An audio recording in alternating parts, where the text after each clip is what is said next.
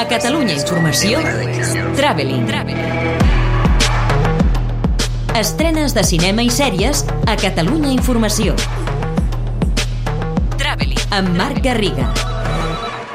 Margaret's office. Uh, it's Jerry. Who is this?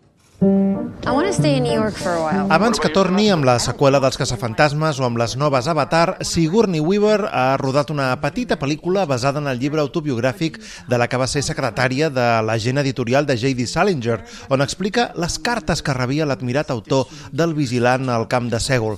Però Somnis d'una escriptora a Nova York que és, a l'estil del Diable es vesteix de Prada, el conte d'iniciació d'una jove aspirant, en aquest cas escriptora, interpretada per la prometedora Margaret Qualley, que és la filla d'Andy McDowell i que està a l'ombra de la cap poc amigable per qui treballa aquí aquesta meravellosa Sigourney Weaver. És un film irregular, sí, que en algun moment arriba a ser una mica tediós, eh, però el resultat al final és elegant, seductor, encantador i això la salva de la crema. El seu director, Filip Falardó, ha passat per la finestra indiscreta de Catalunya Ràdio. En primer lloc, doncs, la trobada del llibre va ser tota una casualitat. Jo comparo el fet de trobar temes per fer-ne pel·lícula pel·lícules una mica com el fet d'enamorar-se. Sembla que com més busques, menys trobes, i viceversa. Però, de fet, el fet de trobar o d'enamorar-te d'un llibre és gairebé una maledicció per nosaltres, pels cineastes, perquè la literatura té moltes capes, i aquí es tracta d'estar dins del cap de la protagonista. Eh, com pots traslladar tot això quan, a més a més, estàs parlant d'una persona que està narrant la seva vida real i que encara, a més, està viva.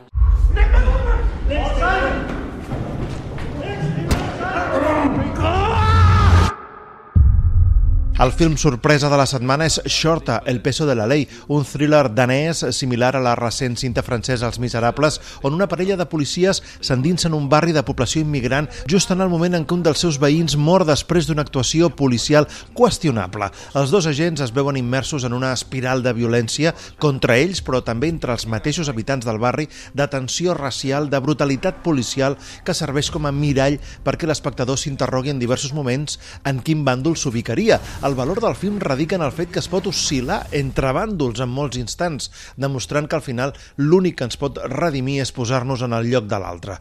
Trepidant, emocionant, reveladora i no perfecta, perquè hi ha alguna situació inversemblant, però molt aconseguida. صدقني ما حدا مريح راس منه una altra aposta valenta de la setmana és Gaza Mon Amour, un film que planteja una història d'amor gairebé senil entre una dona que treballa al mercat a la ja internacional Hiam Abbas i un pescador a la franja de Gaza. Amb tocs de comèdia, amb una estàtua d'Apolo que és protagonista també en alguns moments, commovedora, noble i simpàtica, però que no perd l'ocasió per ser també realista i punyent. Un film dels palestins germans Nasser que és, sens dubte, la constatació que l'amor pot sorgir a qualsevol lloc, en qualsevol moment i a qualsevol edat. A court accepts the existence of God every time a witness swears to tell the truth. I think it's about time they accept the existence of the devil. Completa en la cartellera la terrorífica Expediente Warren, Obligado por el Demonio, una baula més d'aquesta saga demoníaca que narra aquí el cas real d'un noi que, jutjat per assassinat, es va defensar assegurant que estava posseït pel dimoni en el moment del crim. Un film interessant, però que ja comença a fer que la franquícia sigui força rutinària.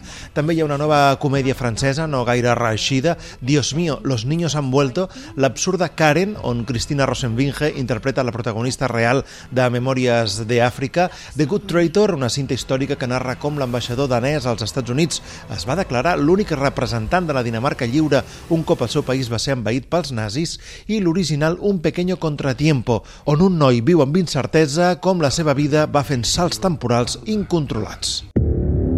Papá, que hay gente en el pasillo. ¡Ande, escóndete! Pel que fa a les plataformes, Netflix estrena dos films que semblen antagònics però que no ho són tant. Extremo és una cinta d'arts marcials espanyola plena de tòpics, un thriller de sèrie Z que busca un públic trash, i Selva Tràgica, en canvi, és un film mexicà que es vesteix de producció independent de prestigi però que acaba retratant igualment les més baixes pulsions humanes, de forma confusa però alhora captivadora. A Movistar Plus arriben el thriller psicològic voluntariós You Should Have Left, l'encantadora i nostàlgica cinta de terror a l'estil dels 80, Psycho Goreman, i la interessantment irregular Crisis, que també es podrà veure a Filmin, que al seu torn té a punt el desinhibit relat sobre erotisme digital PBT Chat. I have visions. I write them down and people pay to read them.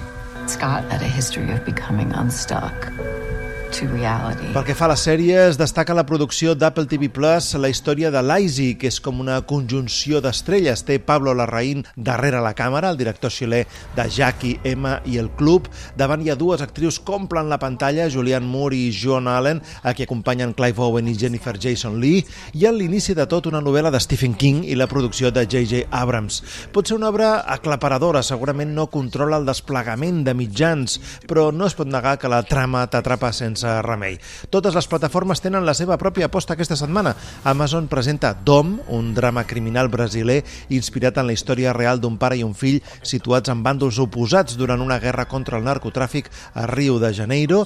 Disney Plus aposta per Genius, Aretha, el magnífic biopic d'Aretha Franklin. Movistar Plus ho fia tot a Paraíso, una sèrie espanyola de fantasia, ciència-ficció i segrestos. I Netflix també tira de fantàstic amb Sweet Tooth, El Niño Ciervo, l'adaptació d'un còmic còmic amb un nen meitat cèrvol que busca altres híbrids com ell per entendre què ha passat amb la Terra després d'un gran cataclisme. Traveling. Estrenes de cinema i sèries a Catalunya Informació amb Marc Garriga.